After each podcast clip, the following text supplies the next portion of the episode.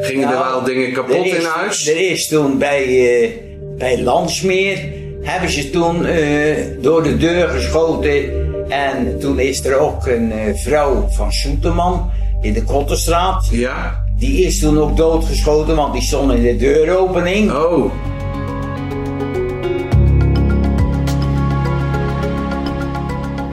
Ik ben Sven. Ik ben de kleinzoon van Frans en Fien Kentin. Toen mijn opa overleed, kreeg ik een map met daarin allerlei oude documenten.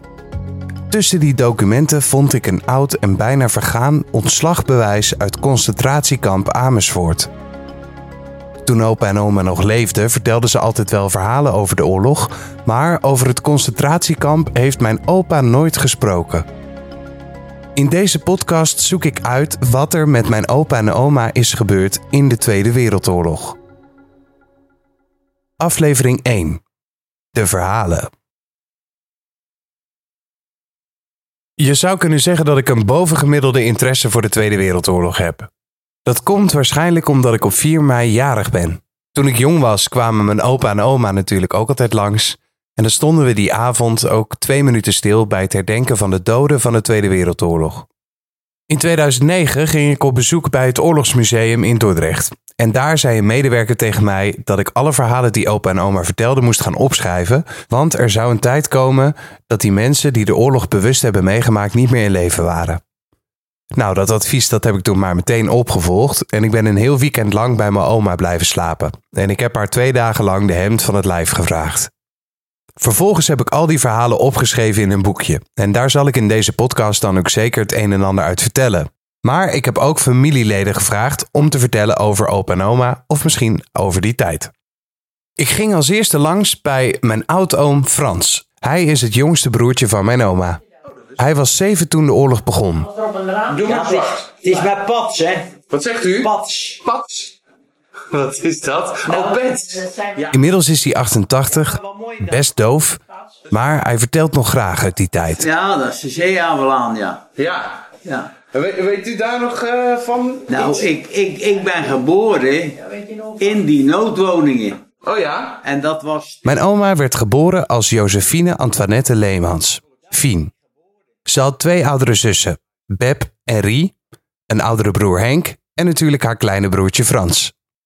Het gezin woonde eerst in een noodwoning aan de Zeehavelaan. In 1936 verhuisden ze naar de Brikstraat. Want ik weet nog, we zijn met de handkar verhuisd. En ik zat op de handkar. Oh ja. Kan ik me nog herinneren, ja. Het was een echte arbeiderswijk, onder de rook van de Dordtse zeehaven, aan de rand van de stad, omgeven door weilanden.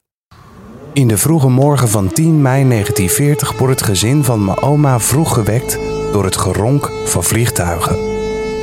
Al snel volgen de doffe dreunen van het bombardement op de verdedigingswerken rondom de bruggen.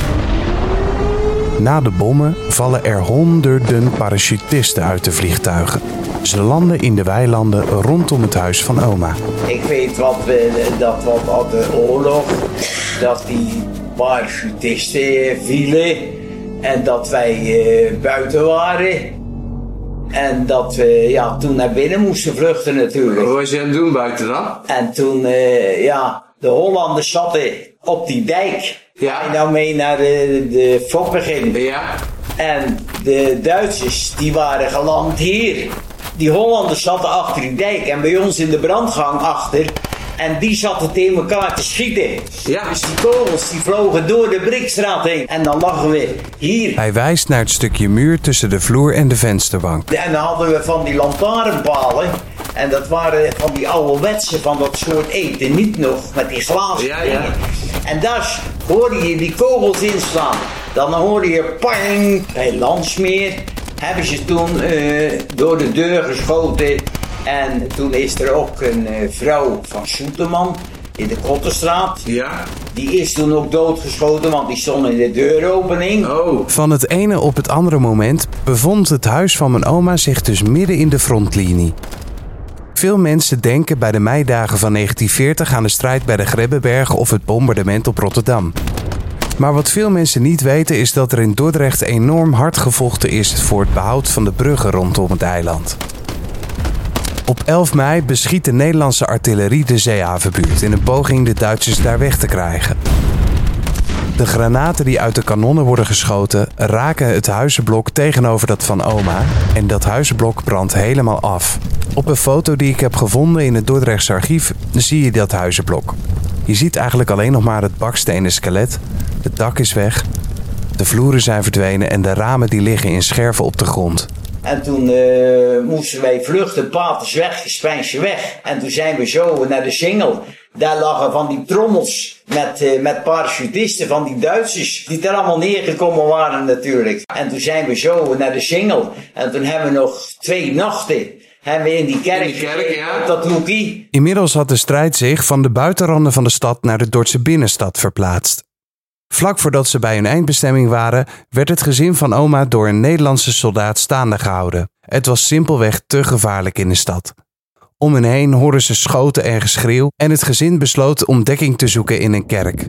In die kerk hebben ze twee nachten moeten slapen.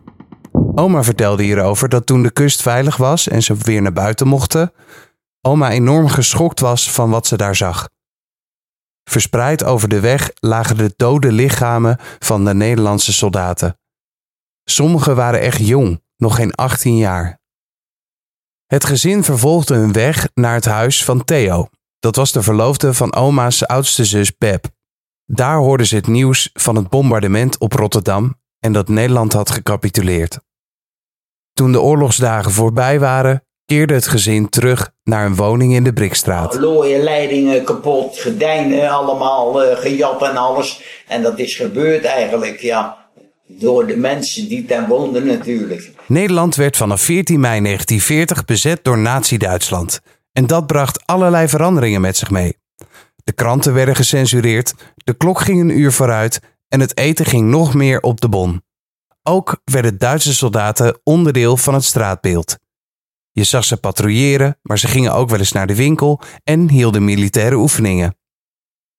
Op de dijk van de zeehaven vonden regelmatig van die oefeningen plaats. Maar zo liepen ze boven op de dijk. En dan gingen wij erachteraan. En dan, eh, als het afgelopen was, dan gingen ze met handgranaten in de keel vis vangen. En dan gingen wij, hadden we een emmertje bij ons. En dan eh, konden wij, eh, want die vissen die kwamen omhoog. En dan eh, hadden wij ook vis natuurlijk. Hè. Zo beleefde de familie van mijn oma de eerste jaren van de oorlog. Maar hoe zit het dan met opa? Nou, zijn verhaal begint in Vlissingen. Als kind wilde hij één ding: varen.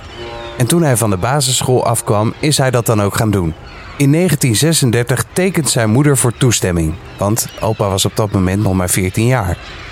Na tekenen kon hij aan boord van een vrachtschip wat voer tussen Scandinavië en Nederland.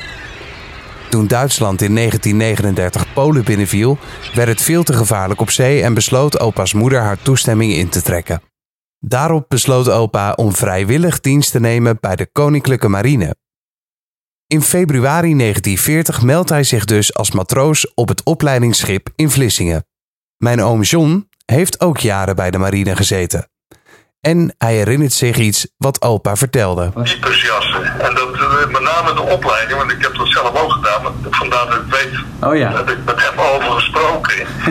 nou, dan kreeg je echt, eh, zeker op de opleiding, van die hele grote manden met, met de aardappelen. Ja. Dan zat je uren met een heel clubje zat je, zat je aardappelen te schillen. Typisch de jassen. Opa is amper twee maanden in opleiding als de Duitsers Vlissingen aanvallen. En dat doen ze met bombardementen. Hij vertelde later dat hij tijdens die bombardementen dekking zocht onder de stilstaande treinen op het station. Toen Nederland zich overgaf, werd opa naar huis gestuurd en is het opleidingsschip door de eigen bemanning tot zinken gebracht. En vanaf dat moment is het niet duidelijk wat er met opa is gebeurd. Dit is een van die periodes geweest waar hij nooit tot in detail over sprak. Oma vertelde dat opa na de capitulatie moest gaan werken in Duitsland. Maar dat hij daar op een gegeven moment dus klaar mee was en dat hij besloot om in Nederland te blijven. Dat werd gezien als contractbreuk. En voor straf moest hij drie maanden naar een strafkamp in Groningen en vervolgens drie maanden naar een strafkamp in Gelderland. Hij duikt weer op in 1942. Als hij een baantje krijgt bij de afdeling vliegtuigbouw van de Koninklijke Maatschappij de Schelde. Die vliegtuigbouwafdeling in Vlissingen maakte vliegtuigenonderdelen voor de Duitse Luftwaffe. Op 20 augustus 1943 wordt die vliegtuigfabriek verwoest bij een bombardement van de Engelse Royal Air Force.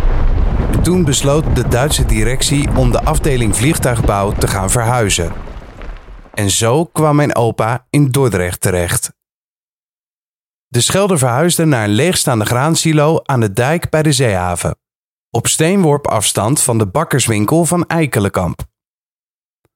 In die bakkerswinkel werkte mijn oma en haar zus. Eigenlijk gaf. Daar kon je al je suiker in leven. Dan kon je snoep krijgen. En eigenlijk de koning die pikte dan wat suiker bij je moeder. En dan gingen we eigenlijk kamp inleveren. En dan kregen we wat snoep. Tante die heeft daar ook gewerkt, hè? Met, eh, met je oma. Toen eh, die kwam die bij Eikelenkamp altijd eh, ja, snoep of eh, koeken. Koeken halen. En, ja, zo hebben ze elkaar eigenlijk daar gevonden natuurlijk. Inmiddels zitten we drie jaar in de Duitse bezetting. En zowel opa als oma hebben al best wel wat ellende meegemaakt. Maar op dit moment ontmoeten ze elkaar dus in de bakkerswinkel van Eikelenkamp. En is er midden in al die ellende ook ruimte voor wat moois. Toen ze elkaar leren kennen was oma 18 en opa 21 jaar. En in die drie jaar moeten ze allebei toch wel best wel heftige dingen hebben meegemaakt. En ik vraag me af wat dat doet met je. En als ik hier zo over nadenk, dan schiet mij een verhaal te binnen van een best wel gepikeerde en boze oma nadat ze een discussie had gehad met een Duitse medebewoonster van het verzorgingstehuis. Dit was al jaren later, maar elke keer als het over Duitsers ging, dan werd oma best wel fel. En die felle houding is niet alleen mij opgevallen. Ja, tot op het laatst. Ja, want ik weet dat wij, toen gingen wij kamperen. En eh, nou, dan, eh, op een camping, en had je toen Duitsers en oma altijd, eh, die Duitsers, ja, je weer zo'n bof, weet je wel, en dat soort dingen. Oma is fel geworden toen eh, opa gevangen is genomen. Oma is fel geworden toen opa gevangen werd genomen. Oké. Maar wat moeten ze hem dan wel niet hebben aangedaan? In de volgende aflevering probeer ik antwoord te krijgen op die vragen. En ga ik op zoek naar de geschiedenis achter het ontslagbriefje van kamp Amersfoort. Eh, en dat dan uiteindelijk dus zelfs een kampcommandant hier een handtekening zet voor een vrijlating, dat is best wel eh, apart. Dus ik wil daar niet mee suggereren dat, het, eh, dat er een andere reden moet zijn. Maar het is in ieder geval iets wat zijn vrouw dan inderdaad wel heel volhardend heeft gefixt. Benieuwd naar de volgende aflevering? Abonneer je dan op dit kanaal.